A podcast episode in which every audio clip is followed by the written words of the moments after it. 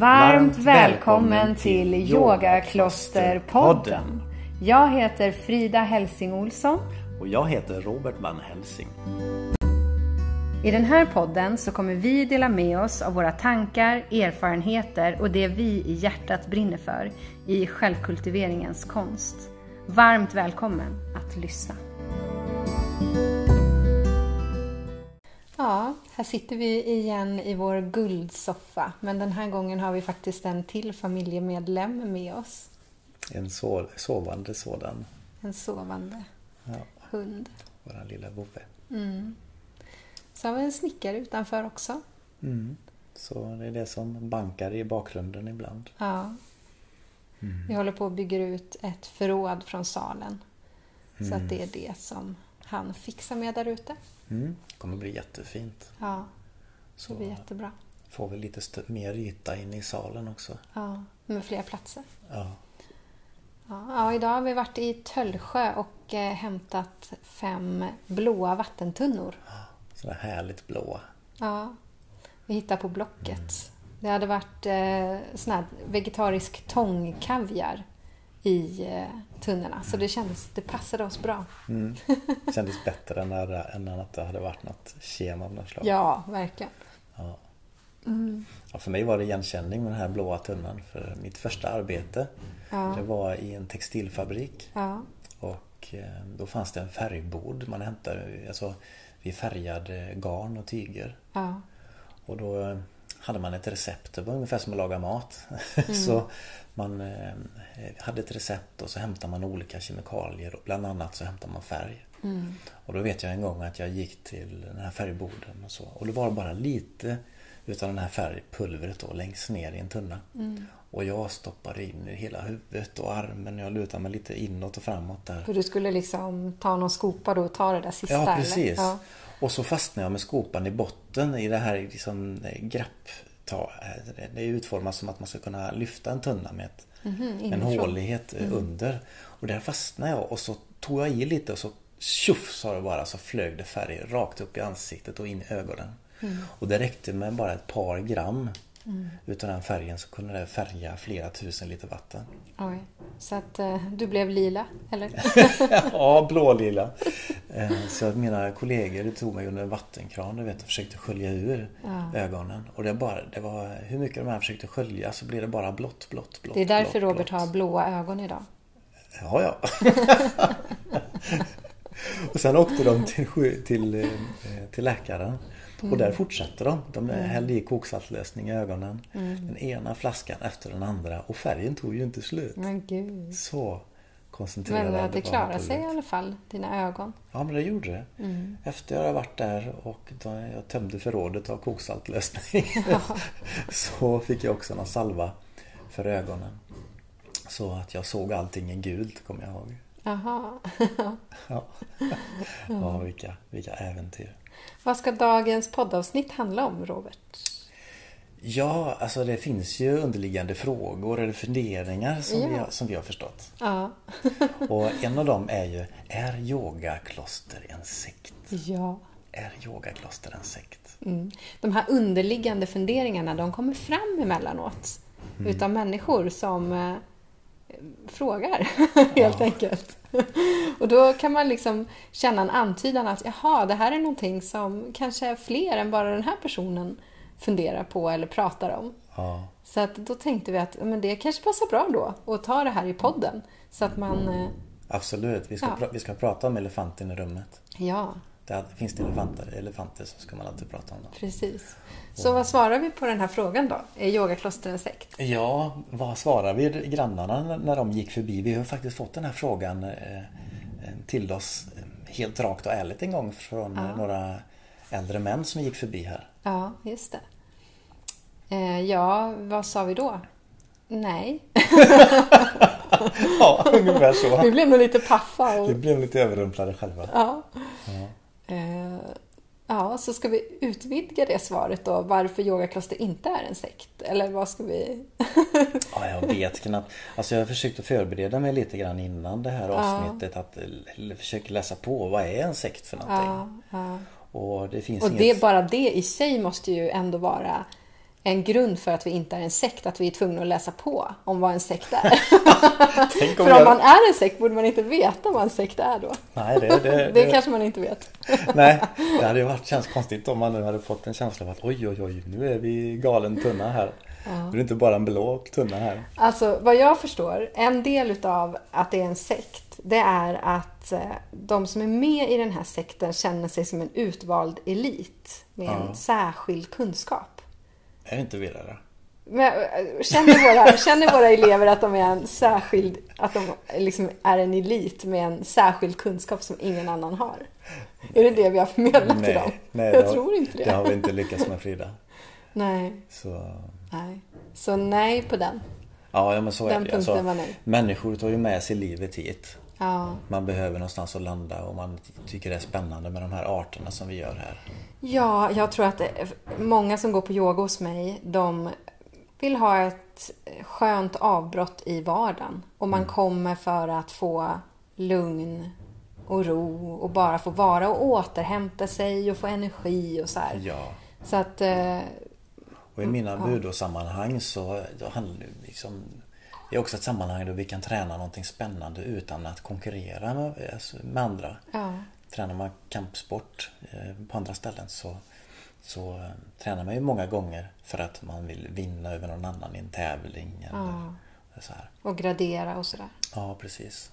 Och Ja, och även det då, tänker jag, är ju ytterligare en del utav att inte vara en sekt. För att då skulle vi kanske ha ett graderingssystem. Man skulle liksom behöva göra någonting för att komma till nästa nivå. Man kanske skulle få någon medalj eller något speciell utmärkelse. Men det har, det har vi Frida. Ja, men Vadå för något? Jo men i Aikidon här Ja. har vi ett graderingssystem. Nej. Jo. Jaha. Ni har ju tagit bort graderingen. I... Nej. har vi? Jag trodde ni hade tagit bort graderingen. Ja. Ja. Hur ska vi komma över det här nu då? Ja, nej, vi, alltså, vi har ju olika delar i verksamheten om vi ska rikta in oss på budoverksamheten. Dels har vi Ja. Klostrets budoakademi Ja. och eh, där har vi inga eh, graderingar, tekniska graderingar som, som det finns i Frista Aikido-klubb som är här. Nej. Vi samverkar ju med Frista Aikido-klubb.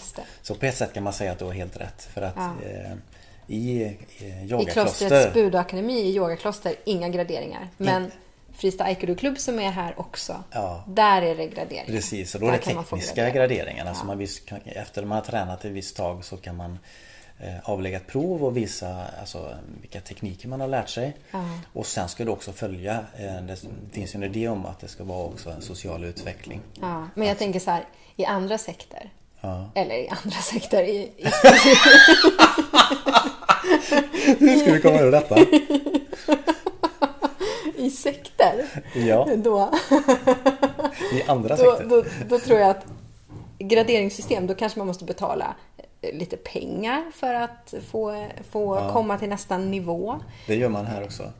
Ja, fast lite mer pengar kanske. Alltså Ja. typ ett tionde eller något. Ja. Eh, alltså 10 procent av sin inkomst eller något. Ja. Eh, och så kanske det är så eh, att man inte får vara med på i hemliga möten om man inte har en viss gradering. Eller alltså att det är lite mer eh, både mystik inblandat i det men också att, att man liksom levlar upp på något sätt. Alltså mer än bara får ett bälte och en större kunskap i Ja. tekniker. Alltså att det finns någonting större Ja. i sektgraderingen. Men jag tror, jag säga. tror det finns någon sorts elittänkande i en sekt. Att man känner att här finns det kunskaper som, som resten av samhället kanske inte har. Ja. Så det är vi mot världen på något sätt. Jag skulle nog kunna tänka mig att man skulle kunna göra det till en sekt. Alltså ett sånt här system med graderingar med bälten. Att det, det skulle kunna vara en sekt i ett annat sammanhang. Ja, Kanske. jag, jag, jag tror att eh, när jag googlade på det här så fanns det ju inget entydigt svar på vad en sekt är. Och eh, jag läste också en, en artikel eh, eh, som jag tyckte var bra. Och, eh, här, och där lyfte det han en psykolog, en psykolog då som själv hade varit med i scientologerna. Och där han lyfte att, eh, att det finns väldigt många eh, vanliga sammanhang som, som var och varannan människa är med i.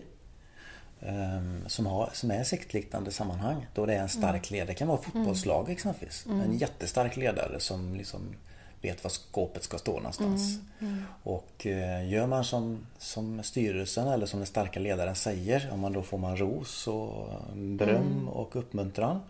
Och gör man inte det så ja, då blir, då blir det någon form av bestraffning istället. Ja, Utfrysning eller man får inte vara med på eh, tävlingar kanske. Man får sitta på avbytarbänken kanske. Ja. Eller? Eller, eller man kanske inte blir inröstad i styrelsen. Nej, eller blir nominerad i, inför Ja. Ja, årsmöten. Och så. Alltså, just det. så Så det är nog en rätt så vanlig sak då. Eller en vanlig sak. Det är nog en del utav en sekt att det finns en auktoritär ledare. Som Ja. har någon slags eh, mandat att bestämma på något sätt. Ja, eller en grupp människor som har mandat då. Ja. Eller tror du att det är mer Jag tror att en ändå ledare? kanske att det oftast är en ledare i toppen. Mm. Och sen så... så alltså det, jag upplever att många sekter... Jag är väldigt intresserad av sekter överlag. Jag tycker att det är intressant. Jag, jag läser mycket om sekter och tittar på mycket program om Ja, vi sekter. slukar ju sånt när vi kommer över där. Ja, och att det oftast finns en som en pyramid. Alltså Mm. där det är en sektledare och sen så är det de som är precis under sektledaren som också agerar lite sektledare. Mm. Men som på ett sätt ändå är hjärntvättade utav sektledaren. Ja. Även, man kan ju inte bara säga att man inte har någon skuld i saker som händer i en sekt bara för att man inte är ledare. Men, eh, så det är väldigt problematiskt ändå. Men jag, men jag tänker att det ändå är sådär toppstyrt. En Ja. eller två. Och det är. finns nog också vissa mm, mönster som behövs för att, kan jag tänka mig, för att det ska bli en sekt eller att så. Jag tänker på det, kommer du ihåg den eh, filmen vi såg när det var en indisk man som eh, odlade skägg? Ja. Och, och han skulle låtsas, han skulle skapa en sekt bara Just som ett det. experiment. Just det, Ehm. den, den falska gurun. Fast den hette Ja. något annat. Men Ja. Jag tyckte den var väldigt bra och han, ly- han, det experimentet lyckades, lyckades ju väldigt bra. Ja. För då eh, såg jag ju också till att det, eh, det var några skådespelare, några som kände honom som stö, eh, de tog på sig speciella kläder eh, och de skulle stötta honom väldigt mycket i, eh, så att de satt på varsin sida om, om honom när han skulle prata och det fanns ett värdskap runt omkring det hela som, som eh, de, höjde upp honom. Ja, de stöttade hans auktoritet. Ja, precis. Och också, det var ju också byggt på att det, att det var någon form av teknik. Det var någon meditation, speciell meditationsteknik man gjorde tror jag. Ja. Jag kommer inte exakt ihåg, det var rätt så länge sedan vi såg den. Och de här Mm. personerna då som var runt honom, de hade ju erfarenhet utav det och de kunde ju berätta Mm. eh, historier om hur de själva hade upplevt det här. Och det, det blir väl ofta så att om det är någon annan person som berättar om en tredje person, då blir det starkare Mm. för människor. Alltså om jag säger åh, titta vad bra jag är och lyssna på mig. Då folk bara, ah nej, sådär.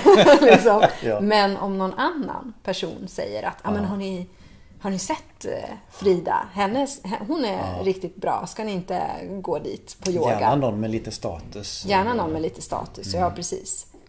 Eh, Gärna en kändis. Ja. Det blir ju extra bra. Eller fler då. Eller fler. Ja. Ja, jag Eller tänk- många gånger. Ja.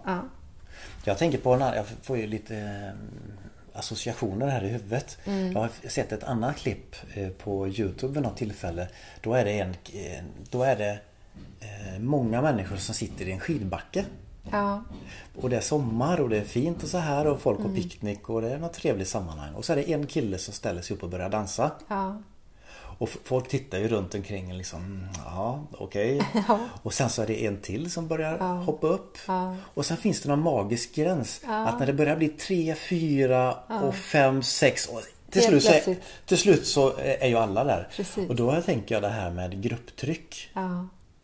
Alltså i alla sammanhang egentligen. Ja. Hur, eh, hur lätt det kan vara att följa ett grupptryck. Ja, och det är ju- en form av minis absolut. Jag har ju läst mycket, eller jag är ju filkand i psykologi. Och en av de mest spännande sakerna att läsa i psykologi är ju socialpsykologi. Hur Mm. fungerar människor i grupp? Varför fungerar människor på det här sättet i grupp? Hur formar man sig efter varandra? Hur fattar man beslut eh, byggt på att man, att man är med andra människor.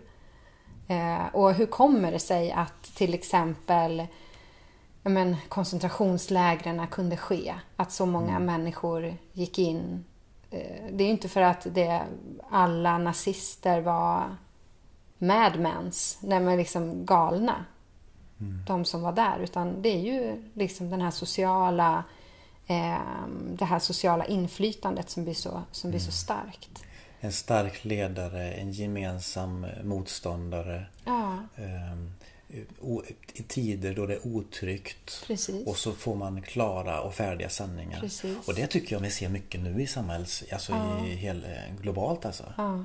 Att det finns en otrygghet när det gäller alltså både liksom miljö, pandemi ja. och ekonomi exempelvis. Ja. Så det, och ska man starta en sekt, då ska man starta den nu. Det är, bra, det är en bra tid nu tror jag. För att i otrygga tider så då vill man ha människor som är klara sanningar, som pekar med hela handen.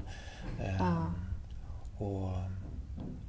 Det, det, det, när, man, när man läser om det så, så står det att eh, under stark social press så anpassar sig individen till gruppen även eh, om eh, handlingen som, den ska, som de ska göra är någonting omoraliskt. Ja. Och det kan, och det kan eh, eh, vara för att man blir, vill bli accepterad eller inte utesluten. Man är rädd. Mm. Eh, man eller... är förvirrad. Man är stressad. Man är orolig, precis ja. som du sa. För det stora syftets skull kanske? Ja, precis.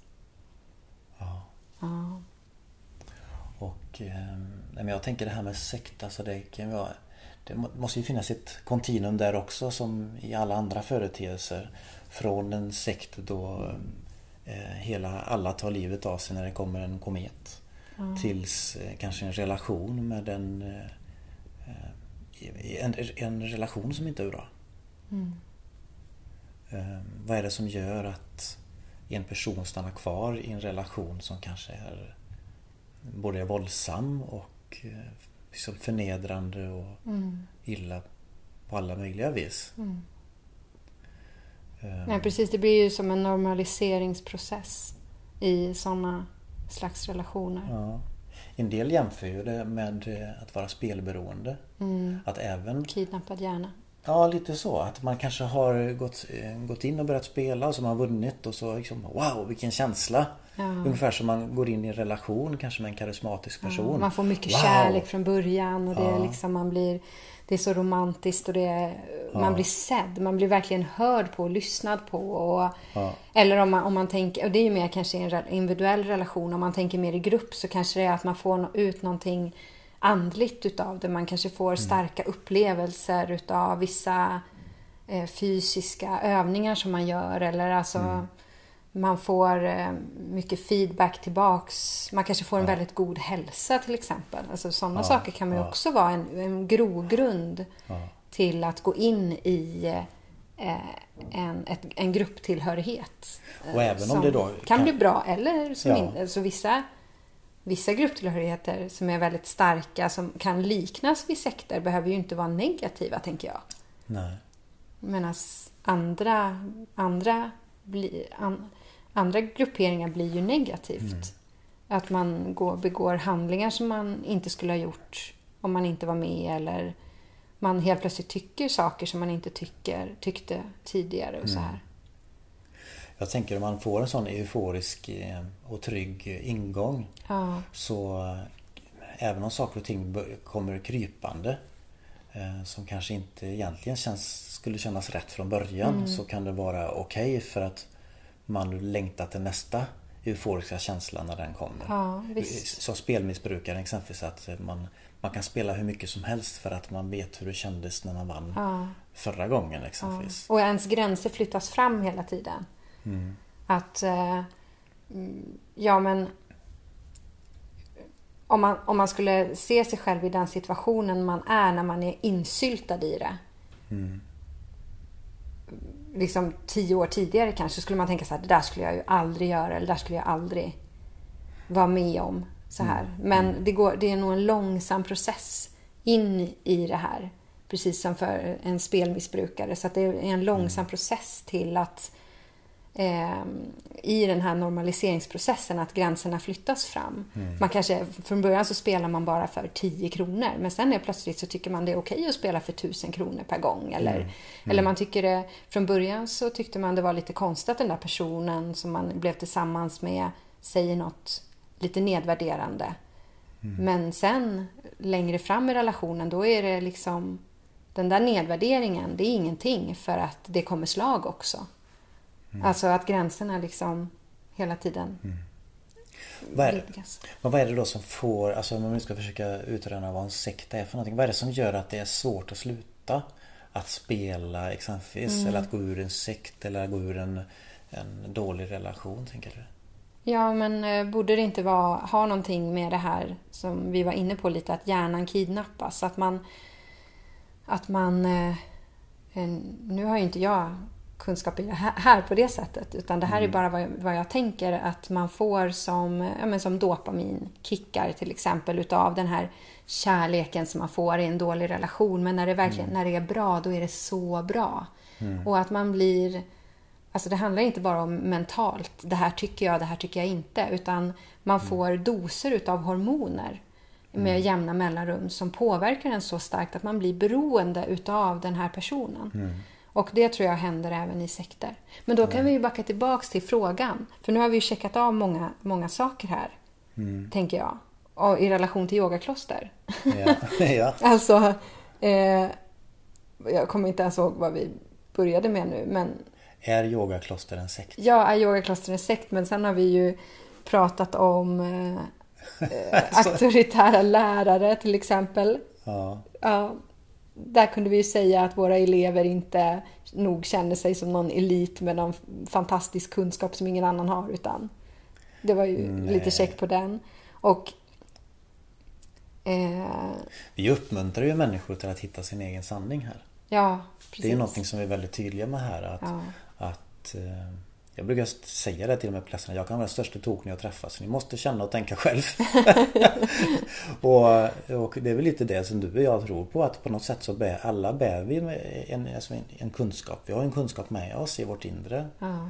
Eh, som man eh, ofta hittar och kommer få kontakt med när man inte är för stressad. Mm. När man är liksom är, eh, har ett filter av oro eller stress och så. Ja, och vi har ju liksom inget... eh, Det här med normaliseringsprocess och flytta gränser. Det, det finns ju inte på yogakloster. Att man...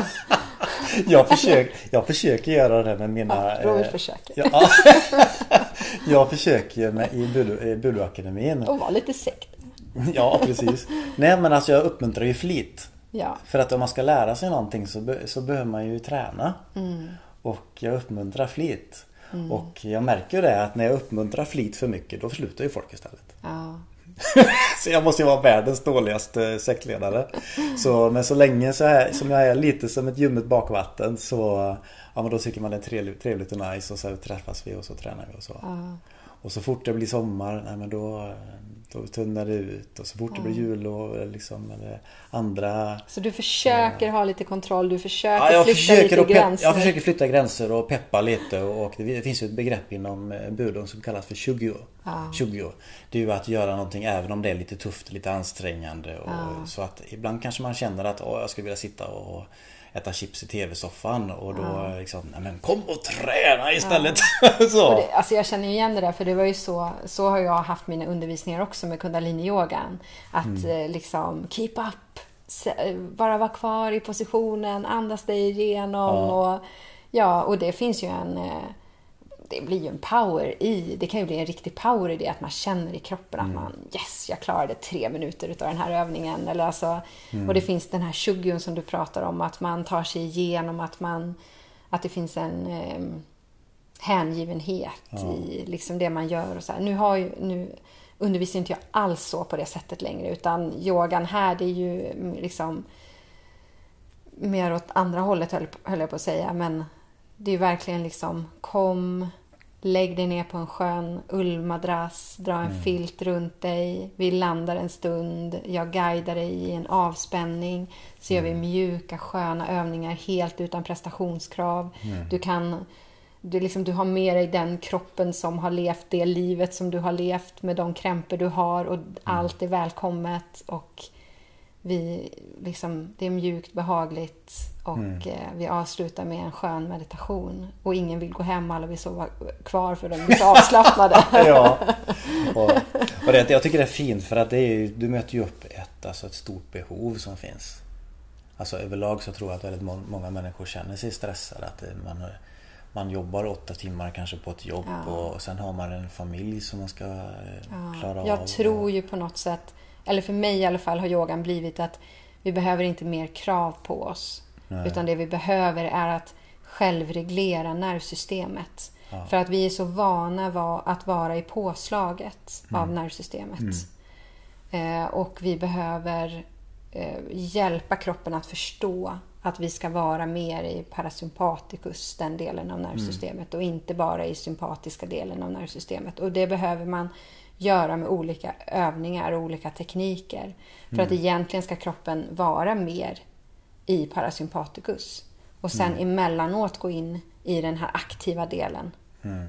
Eh, och nu är vi nästan i den tvärt- aktiva delen inte hela tvärtom tiden. som är norm idag. Nej, precis. Nej. Det, blir, eh, det blir fel och man får ont i kroppar och man blir stel och man mår dåligt psykiskt och eh, på olika sätt. Man får sömnproblem och så här. Det är ju relaterat till en stressig värld. Så jag tror verkligen på det här med kontemplation, Ja. vila, återhämtning, Ja, avslappning, mjukhet, precis. ödmjukhet, Mm. kärlek. Ja. ja. ja, nej men svar på frågan. Vi, vi är... Jag, jag, känner, alltså jag tror inte, jag kan nog svara för dig också, att vi känner att eh, det här är ingen sekt. Nej. Däremot så har vi en seriositet här. Ja, absolut. Det har vi ju.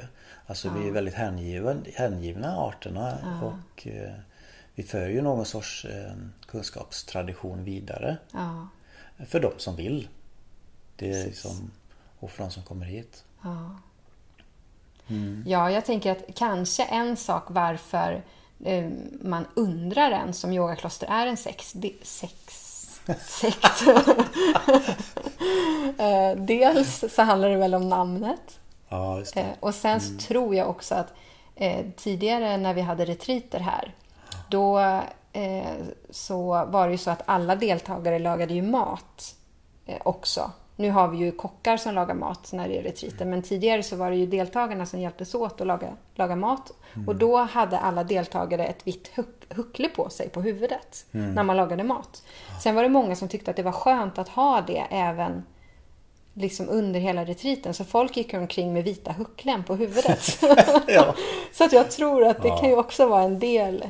Liksom. Ja, det är ju det här med uni- uniform eller det är likadant i budoträningen. Vi har ju ofta våran vita dräkt och våra svarta Ja, samurajbyxor det. på oss. Precis. Och det är klart att vi, vi tränar ju ofta utomhus. Ja. Så går grannarna förbi eller andra så Jaha, vad är det för någonting som händer där för något spännande? Ja. Så, Och för oss är det så no- normaliserat. Ja. Det här med om du har en aikido-dräkt på dig och din hackama. Ja. Eller om jag har vita kläder, för jag tycker om att ha vita kläder när jag undervisar yoga eller gör yoga. Det är så, vi tänker ju inte ens på det. nej, jag har haft mina Men- träningskläder i 40 år. Ja, men för någon annan så kanske det, det är väldigt eh, osvensson. Mm. Såklart. Det fattar ju vi. Att det, det kan ju se ju annorlunda ut såklart. Ja. Men vi är inte farliga. nej, inte särskilt. Nej. Ja, och sen en annan sak. Det är det här med verkliga sanningar också. Det brukar man ta som en punkt när man pratar om sekter. Verkliga sanningar. Hur menar du då? Ja, att det finns en svart eller vit. Att man, att man har... Det här är sant och det här är inte sant. Och det vet jag för att det är så bara. Ja. Det är en del utav eh, sekt eh, Ja. som man brukar innefatta i när man pratar om sekter. Att det finns en verklig sanning i de här grupperna som man lever efter. Så. Som blir att, och, och det tänker jag, att vi försöker ju skapa någonting i den här podden som är å ena sidan, å andra sidan, eller så här, Precis. eller så här. Att vi Precis. försöker vända och vrida på saker. Ja, vi har ett samtal. Ja. Alltså vi... Eh, det mesta i samtalet är ju sånt som bara kommer upp i stunden. Ja. Sen har vi ofta tänkt till lite grann innan. Vad är det ungefär som man skulle kunna tänka sig att kunna prata om? Lite så. precis. Ehm, men det är väldigt spontant. Och det är någonting som jag uppskattar eh, överlag. Ja. Men att vi har varit tillsammans i 11 år. Ja. Tänk vad många sådana här samtal vi har haft under de Ja, här. att vi inte har spelat in alla. Så å ena sidan och andra sidan. Hur tänker du nu? Och, ja, Det här är min erfarenhet. Ja men det här är din erfarenhet. Ja. Och där tänker jag att No Violent Communication verkligen kommer in också. Berätta, vad är eh, liksom... Den, den, fredliga, den fredliga samtalskonsten skulle jag säga. No Mm. Violent Communication. Att eh, det handlar om att eh, skapa goda relationer genom kommunikation. Både med andra och med sig själv. Mm. Och det kan man ju, det är ju jätteintressant. Och då är det också, det är faktiskt, jag är inte jätteinsatt. Det finns ju jättemånga som är väldigt duktiga på no violent communication men eh, det här med färdiga sanningar, det är ju, där pratar man om i no violent communication att man kan bli liksom känslomässigt fri genom att inte ha färdiga sanningar. Utan att man är mer öppen för att jag upplever att det är på det här sättet. Vad tror du? Och så får man någon annans upplevelse Ja. eh, utav kanske en situation som man är med om eller vad det nu är som kan vidga perspektivet. Ja. Men om jag istället säger så här är det och det, det, är bara, det är bara så. Då får Ja. jag inget annat perspektiv och jag blir låst i mig själv Ja. och i sociala sammanhang. Ja, och har jag självförtroende och är intellektuell nog då kan jag liksom munhuggas tillbaka. Ja, precis. Strid. Ja, precis. Politik är ju inte så no, no violent communication direkt. Men det, här, det är ju en övning förstås. Ja, Det är ju det är ju inte alltid vi eh, pratar så här harmoniskt. nej. Ibland så går vi ju i clinch du och Fast jag. då är inte den här apparaten på. Vi kanske ska prova den någon gång. Ja, vi spelar in ett bråk. ja. ja. Men det jag uppskattar, alltså, vi, man lär ju känna varandra eh, över tid och så. Men det jag uppskattar är att när vi går i clinch med varandra så dröjer det inte, alltså desto längre vi varit tillsammans desto fortare kommer vi tillbaka till en skön känsla igen och vi kan prata om saker och ting. Och, Ja, det är fint. ja, Kommunikationen. ja. Så att det här med att när man blir efterklok och reflekterar eh, över sitt eget bidrag i sammanhanget. När den efterklokheten kommer närmare och närmare. Ibland kan man ju förstå en dag eller en vecka senare. Mm, ja just det, jag kanske inte skulle sagt. Man fått en ökad insikt på något sätt. Och eh, Men eh, när det kom, den här efterklokheten när den kommer närmare och närmare där man befinner sig. Kanske till och med mitt i ett samtal. Mm, just det ja. Hur tänkte du nu då? Ja, Ja, ja det, det är spännande. Ja, det, Så, Ja. Men det är en praktik. Man får, man får öva också. ja. Och vilja Ja. ku- kunna ha bra dialoger. Och det är en sak när man... Och sen också trygghet i relationen, Mm. Ja. tycker jag. Alltså att eh, det hjälper ju till att man har, desto längre man har varit tillsammans, desto mer hjälper det ju till att känna en trygghet Mm. med den person, alltså med den personen man har en dust med. Liksom att, Mm. att man också... Det är alltid svårare, tycker jag i alla fall, i när, när man inte har kommit så långt i relationen. Man känner inte varandra, man vet inte hur den andra agerar efteråt eller hur, hur, det blir. Så här. Mm. Ja, men det kanske är ytterligare ett poddavsnitt då. No violent communication. Vi kanske ska fördjupa oss på det. Ja men För varför det, inte? Och då, men då tycker, jag vi, då tycker jag vi börjar med ett storbråk. Ja, precis. Vi försöker hitta någonting och så går vi Ja, in så i bara järnet. spelar vi in det. Och sen så spelar vi in hur vi löser det. Ja, men, det- ja precis. Ja, precis. ja. Ja, vilket, vad spännande. Ja, Ja, spännande. jag ser fram emot. Ja, okej. Ja, men har vi någonting mer att säga om sekter då? Eller? Det är spännande. Ja, och det är det. eh, till gott och ont kan jag tänka mig. Eh, Det sägs ju att alla människor, det, när jag läste den här artikeln innan här, Ja. att nästan alla människor är mer eller mindre eh, med i sektliknande sammanhang. Om det så är i föreningslivet, i jobbet eller i en relation och så vidare. Ehm, Så det är väl inte, ibland är det inte fel att liksom bara stanna upp liksom vad, vilka sektliknande sammanhang befinner jag mig i? Vill jag vara där? Vad ger det mig? Eller mm, kanske är det dags att ta nästa steg. Ja, och sen så tänker jag också, det tror jag vi sa i en annan podd, att det här med att vara med i en grupp och känna att man är hängiven någonting, det behöver ju inte vara fel. Man kanske är med i en sektliknande grupp, men man får det blir inte negativt, man får inte bestraffningar eller man gör inte omoraliska handlingar utan det är en kärleksfull grupp. Jag känner att jag har varit med i många liksom mer sektliknande grupper som är lite slutna och hå- håller, håller vissa system och så här. Men det har varit väldigt kärleksfullt och fint och vänskapligt och inte negativt. Sen är väl Nej. lite negativt i alla grupper kanske, men, men just att människor mår bra och överlag så. Så att det behöver inte vara eh, alltid negativt. Nu börjar Oskar här. Ja, Men Toffe, hon bara sover ja. Lugnet själv. Just nu i alla fall. just nu. Ja. Ja. Hopp. ja men vad spännande. Ja. Eh, Fortsättning följer. Fortsättning följer. Ja. Ja, Storbråk nästa. Ja, kanske. Nej, non-violent non communication. Ja, precis. Ja, just det. Ja, tack så mycket Robert. Tack för idag.